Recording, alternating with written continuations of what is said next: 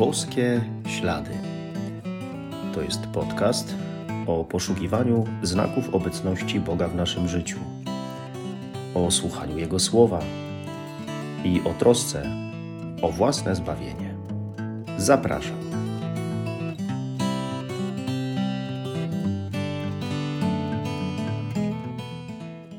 Witam serdecznie. Szczęść Boże. Człowiek na różnych etapach życia ma swoje pragnienia spełnione, niespełnione i te spełniane.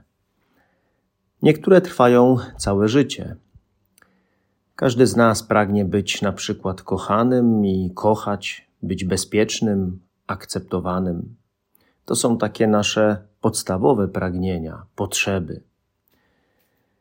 Dobre pragnienia, które mamy, często są motorem napędowym, bodźcem do tego, aby coś dobrego w życiu zrobić. Ktoś pragnie komuś pomóc, chce zrobić coś znaczącego dla innych, pragnie poświęcić swoje życie dla jakiejś sprawy. Jednak bywają też pragnienia, najczęściej te przyziemne, które realizowane w różny sposób mogą nas doprowadzić do wielu kłopotów. Każdy z nas nosi w sobie wiele różnych pragnień, albo też na przykład głodów emocjonalnych. Ważne jest to, co z nimi zrobimy, jak je ukierunkujemy, gdzie będziemy szukać ich zaspokojenia. Posłuchajmy słów Ewangelii według świętego Jana. Jezus przybył do miasta samarytańskiego zwanego Sychar, w pobliżu pola, które dał Jakub synowi swemu Józefowi. Było tam źródło Jakuba. Jezus, zmęczony drogą, siedział sobie przy źródle. Było to około szóstej godziny. Wówczas nadeszła kobieta z Samarii, aby zaczerpnąć wody. Jezus rzekł do niej: Daj mi pić. Jego uczniowie bowiem udali się przedtem do miasta, by zakupić żywności. Na to rzekła do niego Samarytanka: Jakżeż ty, będąc Żydem, prosisz mnie, Samarytankę, bym ci dała się napić? Żydzi bowiem i Samarytanie unikają się nawzajem. Jezus odpowiedział jej na to: O gdybyś znała dar Boży i wiedziała, kim jest ten, kto ci mówi: Daj mi się napić, to poprosiłabyś go, a dałby ci wody żywej. Powiedziała do niego kobieta: Panie, nie masz czerpaka, a studnia jest głęboka. Skądże więc weźmiesz wody żywej? Czy ty jesteś większy od ojca naszego Jakuba, który dał nam tę studnię i on sam z niej pił, i jego synowie, i jego bydło? W odpowiedzi na to rzekł do niej Jezus: Każdy, kto pije tę wodę, znów będzie pragnął. Kto zaś będzie pił wodę, którą ja mu dam, nie będzie pragnął na wieki. Lecz woda, którą ja mu dam, stanie się w nim źródłem tryskającym ku życiu wiecznemu. Rzekła do niego kobieta: Panie, daj mi tej wody, abym już nie pragnęła i nie przychodziła tu czerpać. A on jej odpowiedział: Idź, zawołaj swego męża i wróć tutaj. A kobieta odrzekła mu na to: Nie mam męża. Rzekł do niej Jezus: Dobrze powiedziałaś nie mam męża. Miałaś bowiem pięciu mężów, a ten, którego masz teraz, nie jest twoim mężem. To powiedziałaś zgodnie z prawdą. Rzekła do niego kobieta: Panie, widzę, że jesteś prorokiem. Ojcowie nasi oddawali cześć Bogu na tej górze, a wy mówicie, że w Jerozolimie jest miejsce, gdzie należy czcić Boga. Odpowiedział jej Jezus: Wierz mi, kobieto, że nadchodzi godzina, kiedy ani na tej górze, ani w Jerozolimie nie będziecie czcili Ojca. Wy czcicie to, czego nie znacie. My czcimy to, co znamy, ponieważ zbawienie bierze początek od Żydów. Nadchodzi jednak godzina, nawet już jest, kiedy to prawdziwi czciciele będą oddawać cześć Ojcu w duchu i prawdzie, a takich to czcicieli szuka Ojciec. Bóg jest duchem, trzeba więc, by czciciele Jego oddawali Mu cześć w duchu i prawdzie. Rzekła do niego kobieta: Wiem, że przyjdzie Mesjasz zwany Chrystusem, a kiedy on przyjdzie, objawi nam wszystko. Powiedział do niej Jezus: Jestem nim ja, który z tobą mówię. Na to przyszli jego uczniowie i dziwili się, że rozmawiał z kobietą. Żaden jednak nie powiedział, czego od niej chcesz lub czemu z nią rozmawiasz. Kobieta zaś zostawiła swój dzban i odeszła do miasta. I mówiła ludziom: Pójdźcie, zobaczcie człowieka, który mi powiedział wszystko, co uczyniłam. Czyż on nie jest Mesjaszem? Wyszli z miasta i szli do niego. Tymczasem prosili go uczniowie, mówiąc: Rabbi, jedz. On im rzekł: Ja mam do jedzenia pokarm, o którym wy nie wiecie. Mówili więc uczniowie między sobą: Czyż mu kto przyniósł coś do zjedzenia? Powiedział im Jezus: Moim pokarmem jest wypełnić wolę tego, który mnie posłał i wykonać jego dzieło. Czyż nie mówicie jeszcze cztery miesiące, a nadejdą żniwa? Oto opowiadam wam. Podnieście oczy i popatrzcie na pola, jak się bielą na żniwo. Żniwiarz otrzymuje już zapłatę i zbiera plon na życie wieczne, tak iż siewca cieszy się razem ze żniwiarzem. Tu bowiem okazuje się prawdziwym powiedzenie: jeden sieje, a drugi zbiera. Ja was wysłałem, abyście żeli to, nad czym wy się nie natrudziliście. Inni się natrudzili, a, a wy w ich trud weszliście. Wielu Samarytan z owego miasta zaczęło w niego wierzyć dzięki słowu kobiety świadczącej. Powiedział mi wszystko, co uczyniłam. Kiedy więc Samarytanie przybyli do niego, prosili go, aby u nich został. Pozostał tam zatem dwa dni.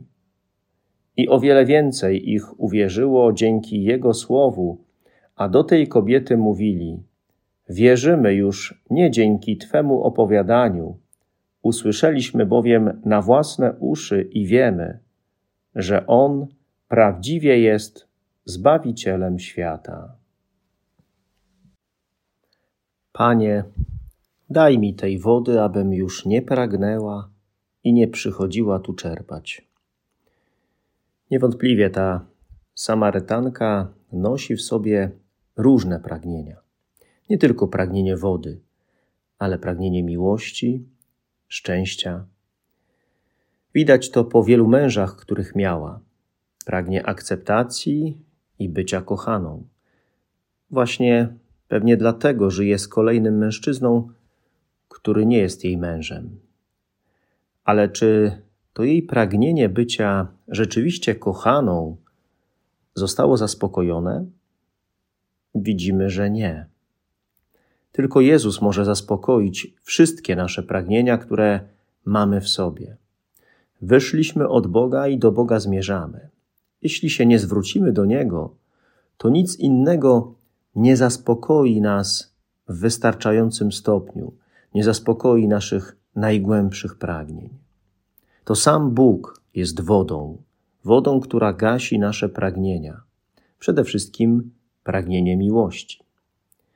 Kiedy inni zawodzą, Bóg nigdy, wierny w miłości, ciągle przebaczający, pełen troski o nas, zawsze obecny przy nas i wspierający.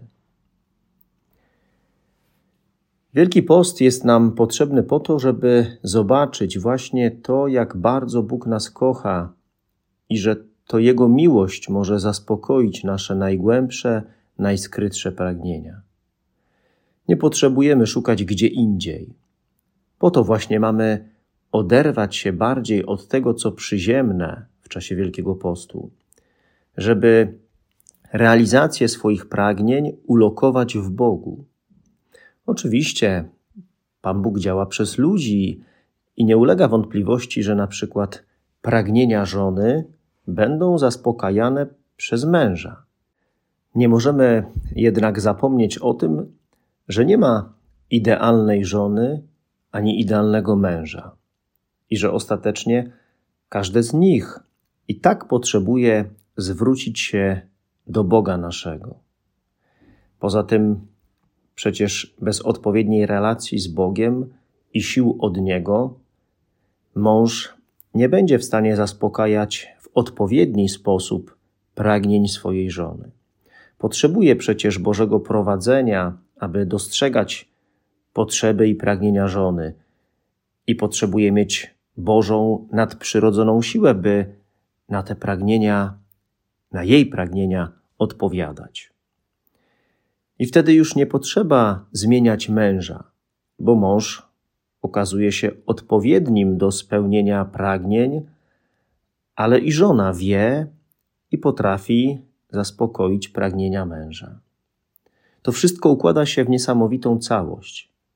Tylko Pan Bóg mógł to wymyślić i cudownie o to zadbać, byśmy mogli szczęśliwie przeżywać to życie tutaj na Ziemi, zaspokajając w odpowiedni sposób nasze pragnienia. Nie ulega wątpliwości, że historia związków Samarytanki jest dość nieuporządkowana i podejrzana. Zdarza się, że i nasze życie albo przeszłość jest nieuporządkowana. I w Wielkim Poście w jednej z prefacji modlimy się tak: Panie Boże, Ty nam dajesz czas łaski i zbawienia, abyśmy oczyścili nasze serca od nieuporządkowanych przywiązań i troszczyli się przede wszystkim o wieczne zbawienie. Mamy dany czas na to, aby porządkować swoje wnętrze, nasze przywiązania, pragnienia, plany i marzenia. Mamy Wielki Post po to, żeby nieco odejść od tego, co przyziemne i skupić się bardziej na tym, co wieczne. Przewartościować swoje decyzje, wybory, życie. Po co? Dla swojego dobra, dla zdrowia psychicznego, fizycznego i duchowego. Pan Bóg chce zaskoczyć nas tym, jak bardzo nas kocha, jak jest wspaniały dla nas i chce nas poprowadzić w sposób, którego nie jesteśmy w stanie sami wymyślić. Potrzeba mu tylko pozwolić. Tak jak my, Bóg też ma swoje pragnienia, a najważniejsze z nich to ja, człowiek. Kobieta z nieuporządkowaną przeszłością przyszła do studni, aby zaczerpnąć zwykłej wody, a spotkała się z propozycją życia Bożego. Otrzymuje nieopisany dar, wiarę, Boże życie, nawrócenie. Nie inaczej jest z nami. W nasze życie często nieuporządkowane, w nasze pragnienia często niewłaściwe, chce wkroczyć Pan Bóg, aby nasze życie stało się bardziej Bożym życiem, nadprzyrodzonym życiem. A takie Boże życie to zupełnie inne życie. Żeby to zrozumieć, trzeba spróbować. A kto spróbuje, ten się przekona, że tak jak trudno wyobrazić sobie życie bez wody, tak trudno wyobrazić sobie życie bez Boga, albo jak Boga jest za mało. Obyśmy tylko bardziej pragnęli Boga, Jego samego, niż czegokolwiek innego.